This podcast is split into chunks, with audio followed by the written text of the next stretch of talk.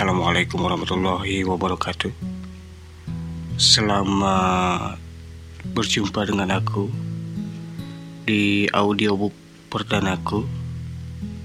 Kali ini aku mau baca sebuah buku yang ada di aplikasi punyanya Perpustakaan Nasional yaitu Ipusnas.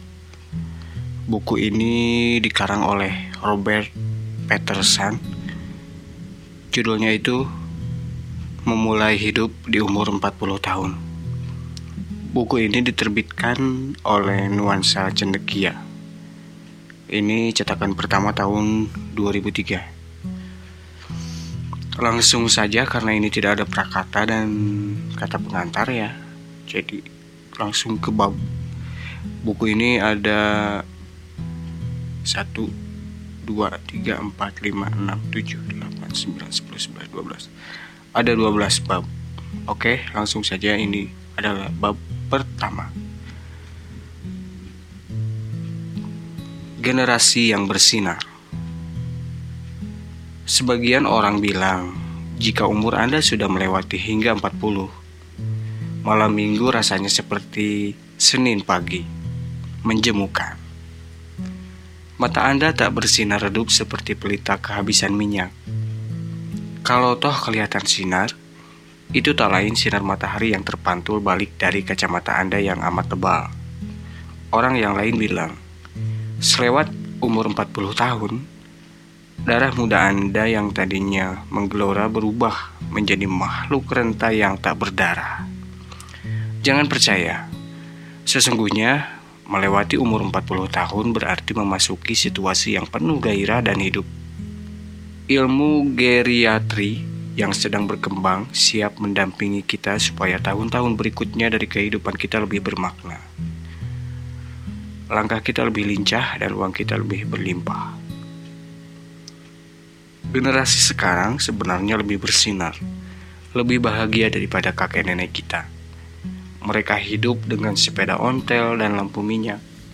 Kita hidup di tengah antibiotik, tenaga nuklir, televisi, jet, pembicaraan telepon jarak jauh, radio transistor, pick up, stereofonik, hi-fi, satelit, komputer, internet, dan lain-lain. Seakan-akan semuanya itu menjunjung kebesaran kehidupan kita. Memang, Jumlah anak-anak kecil lebih banyak dari jumlah kita yang umurnya melewati 40 tahun ini. Jumlah kita sepertiga dari jumlah mereka. Tapi, jika dibandingkan dengan jumlah orang-orang dewasa, terhitung dari umur 20 ke atas, sebenarnya jumlah kita lebih besar. Dan bukan saja begitu, tapi kitalah golongan yang punya uang, punya pengalaman, punya waktu luang untuk menikmati suasana nyaman pada zaman yang sangat dahsyat ini. Cobalah saksikan acara televisi yang mengisahkan kehidupan abad pertengahan. Zaman yang penuh kebodohan dan tahayul. Zaman yang penuh dengan orang-orang yang diperbudak. Zaman yang penuh kekerasan.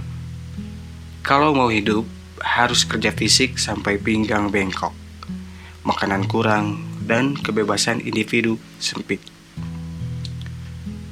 Kemudian, lihatlah acara televisi yang memperlihatkan keadaan zaman sekarang. Alangkah bedanya, zaman kita ini bukannya orang sekedar memandang bintang di langit, tetapi bertekad sampai ke situ. Hidup yang dibimbing oleh ilmu pengetahuan yang berkembang terus-menerus dan dengan cepatnya. Apakah semuanya dikenal oleh nenek moyang kita yang bersahaja itu?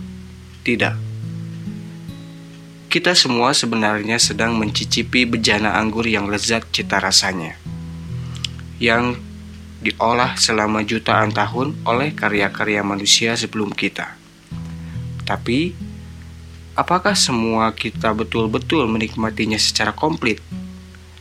Sebagian memang, tapi sebagian lagi tak bisa merasakan lezatnya cita rasa anggur kehidupan itu, melainkan terkungkung oleh kehidupan yang putus asa yang monoton, yang dari itu ke itu juga, yang membosankan. Alangkah malangnya orang-orang itu.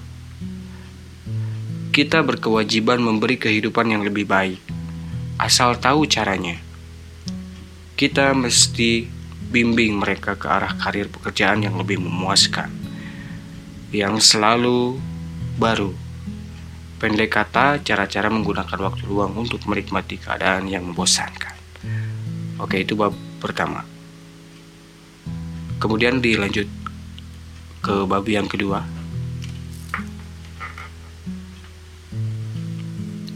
Langkah-langkah baru. Banyak orang-orang separuh umur yang hidupnya penuh cemas, ketakutan, merasa tertekan. Apakah Anda termasuk di antara mereka? Kalau begitu, cobalah membuat langkah-langkah baru. Cobalah menggali dan mengembangkan bakat Anda di bidang seni, tulis-menulis, atau memainkan salah satu alat musik. Mereka harus berkenalan dengan kompetisi balap kuda, orkes simfoni, wayang kulit, dan sanggup menghabiskan masa libur dengan tentram di daerah pegunungan.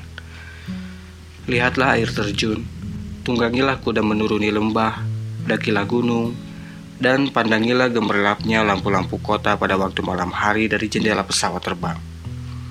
Mereka, orang-orang lewat umur 40 tahun itu, mesti berusaha bisa merasakan kedahsyatan pertandingan bila yang seru dan tegang.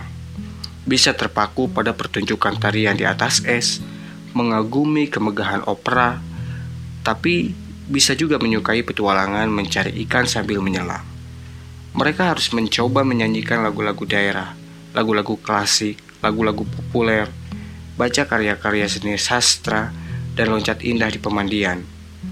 Mereka harus bisa memasak makanan untuk keperluan sendiri, tidur di tikar di luar kemah sambil menatap bintang-bintang di langit. Harus tahu kejadian apa yang berkembang di tambang batu bara, di assembling mobil, kehidupan pesurat kabaran, dan soal-soal agama. Pendek kata, orang-orang di atas 40-an tahun itu patut mencari pengalaman menyetir mobil sendiri ke pelosok negeri, melihat-lihat museum dan monumen-monumen sejarah, bahkan mata air asal-muasal yang terkenal, serta danau-danau yang masyhur.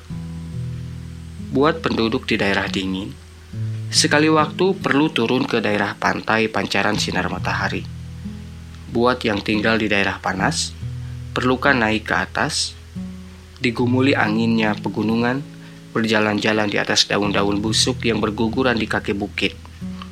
Yang tinggal di kota, rasakanlah tinggal sementara di pedesaan. Yang desa, pergilah ke kota, disergap kebisingan. Itu belum cukup. Bagi Anda yang di umur 40 ke atas itu, perlu berkenalan dengan pelayaran di laut lepas Bacalah buku-buku sejarah. Ikutilah dengan rasa ingin tahu mazhab-mazhab yang berkembang di sektor seni, juga sosialisme, juga kebijaksanaan manusia menuju bulan. Ini fakta. Betapa sedikit orang-orang meluangkan waktu menghadiri sidang-sidang pengadilan atau melihat-lihat tempat pendidikan anak-anak yang mentalnya terbelakang. Apalagi jalan-jalan sekali-sekali ke sekolah. Seolah-olah sekolah anak Anda itu suatu lambang zaman lampau tak perlu disentuh lagi. Padahal Anda akan memperoleh kesegaran jika sekali-kali datang ke sekolah dan perhatikan hiruk-pikuk yang berkembang di sana.